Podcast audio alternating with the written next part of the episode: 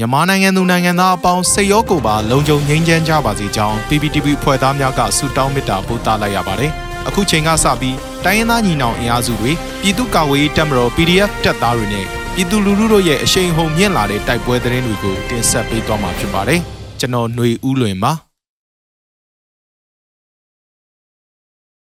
ပထမဆုံးအနေနဲ့ ရွှေဘုံမန္တလေးလမ်းမှာ Express ကား၃စီးနဲ့စစ်ကောင်စီအဖွဲ့ဝင်များလာရောက်စဉ်မိုင်းဆွဲတိုက်ခိုက်ခံရတဲ့တဲ့ရင်ကိုတင်ဆက်မှာပါ။စကိုင်းတိုင်းရွှေဘုံမန္တလေးလမ်းပေါ်မှာအကြမ်းဖက်စစ်ကောင်စီတပ်ကားများမိုင်းဆွဲတိုက်ခိုက်ခံရပြီးတေဆုံးထိခိုက်မှုများရှိနိုင်ကြောင်းဒေသခံများကပြောပါတယ်။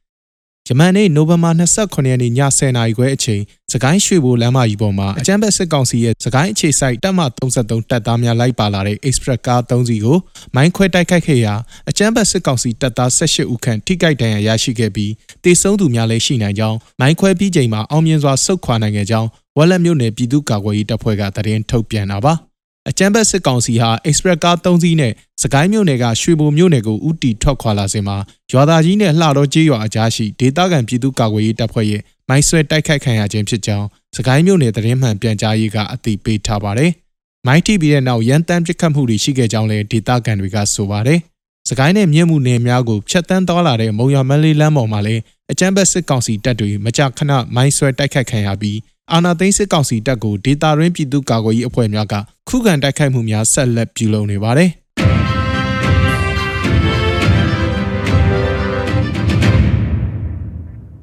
ဆက်လက်ပြီးစစ်အုပ်စုရဲ့ယာယီစခန်းသုံးခုကို KNL ရှင်းလင်းတဲ့တဲ့ရင်ကိုတင်ဆက်မှာပါ။ KNU ထိန်းချုပ်နယ်မြေမူတရောဖာပွန်ခရိုင်တပ်မဟာလေးနယ်မြေဒွယ်လုံးမြို့နယ်မှာထောကျေးရွာအုပ်စုကားလန်လန်ဘေးမှာရှိတဲ့အကြမ်းဖက်စစ်အုပ်စုရဲ့ယာယီတပ်စခန်းသုံးခုကို KNU ကရှင်းလင်းခဲ့တယ်လို့ KNU သတင်းအရင်းမြစ်တွေကပြောပါတယ်။မနေ့ကနိုဝင်ဘာလ29ရက်နေ့မှာတက်ရောက်ရှင်းလင်းခဲ့တာဖြစ်ပြီးရှင်းလင်းခဲ့တဲ့တပ်စခန်းတွေဟာစစ်အုပ်စုခမာရ400တရင်က KNU တပ်မဟာ9နယ်မြေတွင်းမှာရှိတဲ့စစ်စခန်းတွေကိုစစ်လက်နက်နဲ့ရိတ်ခါပို့ဆောင်မှုချထားတဲ့တပ်စခန်းတွေဖြစ်တယ်လို့သိရပါတယ်။စစ်အုပ်စုရဲ့စခန်းတွေကိုရှင်းလင်းခဲ့ပြီးတဲ့နောက်ကားလန်တလျှောက်မှာတိုက်ပွဲတွေဆက်လက်ဖြစ်ပွားနေပြီး KNL ဘက်ကတအူးကြဆုံးခဲ့ကစစ်အုပ်စုဘက်ကတိတ်ဆုံးတန်ရာရသူစီးရင်တွေကိုတော့မသိရသေးပါဘူး။ဒီနေ့နိုဝင်ဘာလ28ရက်နေ့မိုးလွယ်ပိုင်းနောက်ဆုံးရရှိထားတဲ့သတင်းအချက်အလက်တွေအရ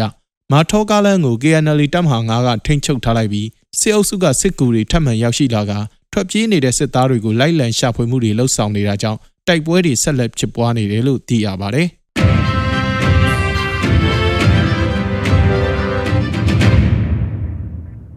နောက်ဆုံးအနေနဲ့ အမျိုးသားညီညွတ်ရေးအစိုးရပြည်ထရေးနဲ့လူဝင်မှုကြီးကြပ်ရေးဝန်ကြီးဌာနကနိုဝင်ဘာ28ရက်နေ့ရက်စွဲနဲ့ထုတ်ပြန်တဲ့ပြည်သူ့ခုခံတော်လှန်စစ်တရင်အချက်လက်တွေကိုတင်ဆက်ပေးသွားမှာပါ။အာနာသိန်းအကြမ်းဖက်စစ်အုပ်စုရဲ့ပြည်သူလူထုအပေါ်အကြမ်းဖက်ဖိနှိပ်ဖန်ဆီးတိုက်ခိုက်တပ်ဖြတ်နေမှုများကိုပြည်သူလူထုတရက်လုံးကအသက်ရှင်တန်ရေးအတွက်မိမိကိုယ်ကိုမိမိခုခံကာကွယ်ပိုင်ခွင့်အရာပြည်သူခုခံစစ် People's Defensive War ကိုဆင်နွှဲလျက်ရှိပါတယ်။တရင်အချက်လက်များအရ29ရက်17လ2021ရက်နေ့မှာစစ်ကောင်စီတပ်ဖွဲ့ဝင်32ဦးသေဆုံးပြီး ထိခိုက်ဒဏ်ရာရရှိသူ18ဦးအထိခုခံတိုက်ခိုက်နိုင်ခဲ့ပါတယ်။စစ်အာဏာရှင်စနစ်မြန်မာပြည်ပေါ်ကအပိတိုင်ချုပ်ငြိမ်းရေးနဲ့ Federal Democracy တိဆောက်ရေးအတွက်ငြိမ်းချမ်းစွာဆန္ဒပြတဲ့လူထုတပိတ်တိုက်ပွဲများကပြည်내နဲ့တိုင်းဒေသကြီးများမှာဖြစ်ပွားပေါ်ပေါက်လျက်ရှိပါတယ်။မြေပြင်မှာယခုတွေ့ရတဲ့သတင်းအချက်အလက်များထပ်ပို၍ဖြစ်ပွားနိုင်ပါတယ်ခင်ဗျာ။